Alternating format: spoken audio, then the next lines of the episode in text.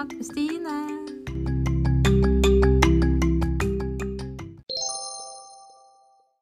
Hei, alle sammen, og velkommen til Psykosnakk med Stine. Jeg er Stine, og i dag skal vi snakke om personlighet og personlighetsutvikling. Eh, og jeg har fått med meg deg, Hanne. Velkommen til oss her i studio. Jo, takk. Eh, kan ikke du fortelle oss litt om deg selv? Det kan jeg. Eh, jeg heter da Hanne Blomsvei, og jeg har en utdanning innenfor psykologi. Eh, Og har jobbet som barnepsykolog i mange år. Men nå så jobber jeg som professor på profesjonsstudiet i psykologi på Universitetet i Oslo. Oi, så spennende. Kan ikke du fortelle litt om hva profesjonsstudiet er, og litt hva det går ut på?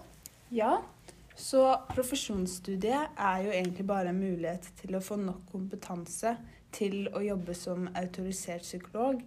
Men denne kompetansen kan da også brukes innenfor flere yrkesområder. Hmm, spennende. Hanne skal da være med oss i dag og lære oss mer om temaet som er personlighet og personlighetsutvikling. Ok, Hanne, som du vet så er dagens tema personlighet og personlighetsutvikling. Og det er vel du ganske interessert i, er du ikke det? Jo, det stemmer. Ja, eh, for min oppfatning av personlighet er jo at det handler om hvordan en person tenker, føler og handler, og kanskje det påvirkes av miljø og oppdragelse. Er det riktig? Ja, det var en veldig bra forklaring egentlig øh, på hva personlighet er. Og så er det jo mye man kan fordype seg i, som hvorfor man er som man er. Eh, Og så er det mange teorier da om personlighetsutviklingen til et menneske. Ja, eh, for det skal vi jo se litt nærmere på nå. For Psykosnakk har jo en egen Instagram-bruker eh, hvor vi legger ut litt forskjellige ting. Så følg oss gjerne der hvis du vil ha litt updates om podkasten vår, om fremtidige gjester, eller om du har noen spørsmål til fremtidige episoder. Eh, For vi har nemlig bedt våre følgere om å stille litt spørsmål til deg, Hanne, om personlighet. Åh, så interessant. Det gleder jeg meg til. Så bra. Skal vi bare sette i gang, da? Ja, la oss gjøre det. Ok, eh, så første spørsmål er da fra Oda understrek Pettersen. Hun har spurt eh, jeg har psykologi på skolen, og jeg lurte på om dere kunne forklare femfaktorteorien. Ja, for det er en veldig spennende teori som mange lærer om på skolen. Du studerte jo psykologi, gjorde du ikke det? Jo, eh, jeg studerte jo psykologi i Bergen i noen år, så jeg kan jo litt av hvert.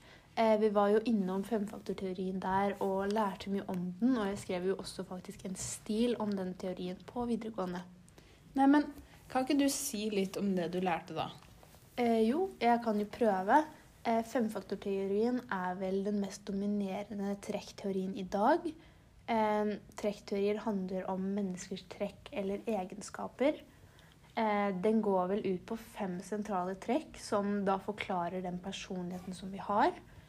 Eh, den første var vel åpenhet, var det ikke det? Det stemmer. Eh, som handlet litt om åpenhet for nye opplevelser og ting.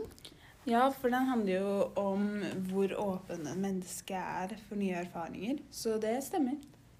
Eh, og så var det vel medmenneskelighet, Ja. som hadde med eh, relasjon med andre mennesker og tilpasning med, til dem.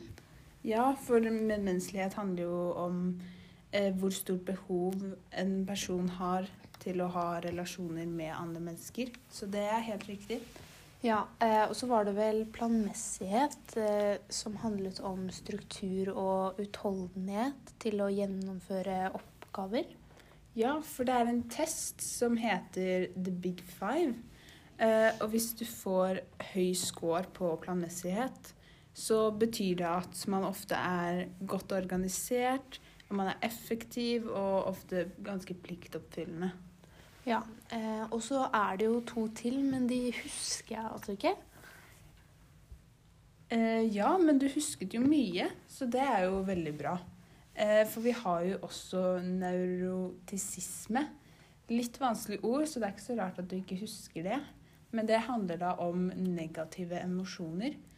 Eh, så det handler da om at man kan få lettere angst eh, og bekymringer. Man kan bli lettere irritert, og mennesker eh, har kanskje litt oftere humørsvingninger. Eh, og så er det ekstroversjon, som også er et ganske vanskelig ord. Eh, og det handler jo om aktivitetsnivået og om positive følelser. Så ved høy score på den testen jeg snakket om, så blir man kanskje oppfattet som ganske utadvendt, pratsom og spenningsoppsøkende. Å ja, så det er sånn med lav score kanskje, så blir du kanskje mer sliten i sosiale sammenhenger og kanskje litt mer tilbaketrukken? Helt riktig. Eh, og så husker jeg et navn, eh, Louis Goldberg. Er det han som fant opp denne teorien, eller tar jeg helt feil nå? Nei, du tar ikke helt feil, men det var ikke han som fant den opp. Det var to psykologer som het Tupis og Crystal, som gjorde en rekke med undersøkelser på de ansatte i det amerikanske luftvåpenet, faktisk. Eh, og de hadde da utgangspunkt i de 16 personlighetstrekkene til kartell. Eh, men Goldberg gjorde en annen analyse med et annet datagrunnlag, hvor han fikk samme resultat som Tupus og Crystal. Å ja, eh, men var det ikke han som ga eh, disse personlighetsfaktorene navnet The Big Five, som også er navnet på den testen som du nevnte tidligere? Det stemmer. Eh, neste spørsmål er fra Lastebil-Lukas understrek 96. Litt gøy navn. Kan dere snakke om den teorien som handlet om de grove og stereotypiske inndelingene av mennesker? Eh, vet du hvilken teori de snakker om her, Anne? Ja, det høres veldig ut som typeteorien til Hippokrates og Galenos. Det er jo kanskje en av de eldste formene for personlighetsteori vi har. Ja, eh, for den går vel helt tilbake til antikken, gjør den ikke det? Det stemmer. Eh, for det var jo den teorien som hadde denne strenge inndelingen av menneskers personlighetstype, og som så bort ifra at mennesker faktisk har en sammensatt personlighet. Jo, det er helt riktig. Eh, Hippokrates og Galenos delte inn menneskers personlighet i fire typer, som da var avhengig av hver sin dominerende kroppsvæske. Eh, og disse inndelingene har veldig rare navn, men jeg skal prøve å forklare det på en enkel måte. Eh, som blod var din dominerende kroppsvæske, så var du den sangvinske typen, som da gjorde at du var veldig munter og lett og lystig. Eh, om den gule gallen var din dominerende kroppsvæske, så var du den koleriske typen. Da var man ofte litt mer hissig og oppfarende. Eh, om slimet var din dominerende kroppsvæske, så var du den flegmatiske typen. Eh, da var man ofte ganske rolig og avbalansert. Og om den svarte gallen var en dominerende kroppsvæske, så var du den melankolske typen. Har du lyst til å gjette hva den var om? Jeg føler jeg har hørt om dette, men jeg husker ikke helt. Eh, men i og med at du har nevnt de andre, så vil jeg tro kanskje at denne er at du var litt mer nedstemt og trist.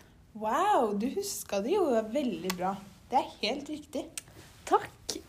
Eh, men dette høres jo ut som en veldig streng og stereotypisk inndelingsmåte. Og de satt jo mennesker veldig i bås, på en måte. Ja. Eh, personlig føler jeg at jeg er litt av alle disse typene, men det tror jeg også mange andre kjenner på også. Ja, for denne teorien har jo fått mye kritikk for akkurat det. At den var litt for stereotypisk i inndelingene.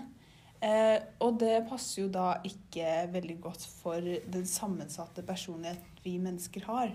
Ja, eh, så vi ser jo da at eh, typeteorien eh, og den femfaktorteorien som vi snakka om i stad, er ganske forskjellige. Eh, fordi typeteorien satte jo, eh, satt jo mennesker veldig i bås på hvilken personlighet de har. Mens femfaktorteorien er mer åpen for at man har en veldig blanda personlighet. Eh, og hvis man tar den testen som vi snakket om i stad, eh, så kan man si at man har veldig sammensatt personlighet. Eh, Neste spørsmål er fra Linneapus34. Eh, Hun har spurt er selvbilde og selvtillit det samme. Ja, det syns jeg er et veldig interessant tema. For selvbildet er jo hvordan man oppfatter seg selv, og hvordan du ønsker å være, og hvordan du velger å presentere deg. Eh, og teoretikeren Mead hadde en teori om hvordan selvbildet dannes. Den går ut på at mennesker hele tiden blir påvirket av andre mennesker. eh, og hvordan de handler og reagerer på situasjoner og ting. Ja, eh, for selvtillit er jo egentlig ganske forskjellig. Det handler jo mer om din vurdering av egne prestasjoner. Ja. Em, så om du har et veldig godt selvbilde, så er det ofte at selvtilliten også er ganske god. Men du Mm. kan ha god selvtillit eh, i noe, men samtidig ha et dårlig selvbilde. Em, la oss ta et eksempel, da. Eh, for eksempel hvis du er veldig god i fotball, så er du mest sannsynlig ganske selvsikker på dine ferdigheter innenfor det. Eh, Men du kan jo fortsatt ha et dårlig selvbilde og takle motgang på en dårlig måte. Ja. Eh, Neste spørsmål er faktisk fra en anonym følger. Eh, Denne personen spør Jeg har hele livet slitt med selvbilde. Hva kan dette komme av? Ah, det var veldig trist å høre. Ja, jeg tror dette kan komme av mange årsaker. Eh, som kanskje hvilke venner du har, og kanskje man har satt behovene sine litt feil. Eh, en av de humanistiske teoriene er jo Abraham Maslows behovspyramide.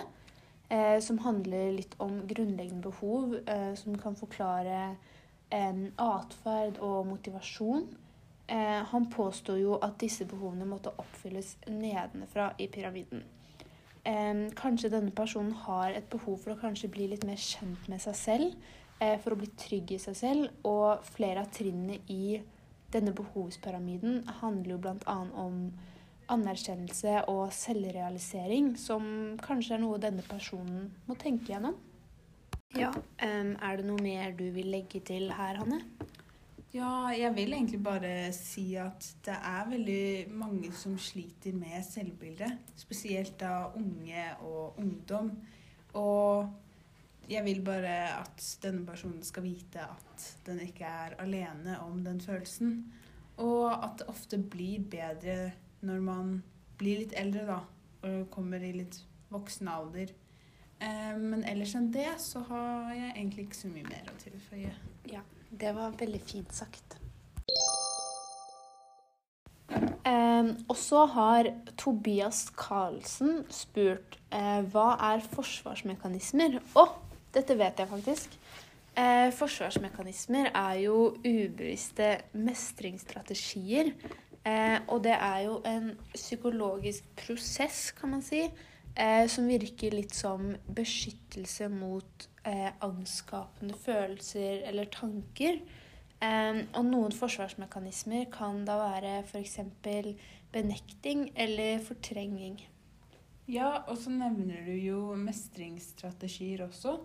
Eh, det er jo noe du gjør for å klare å håndtere en situasjon eh, eller en utfordring som oppleves som negativ stress.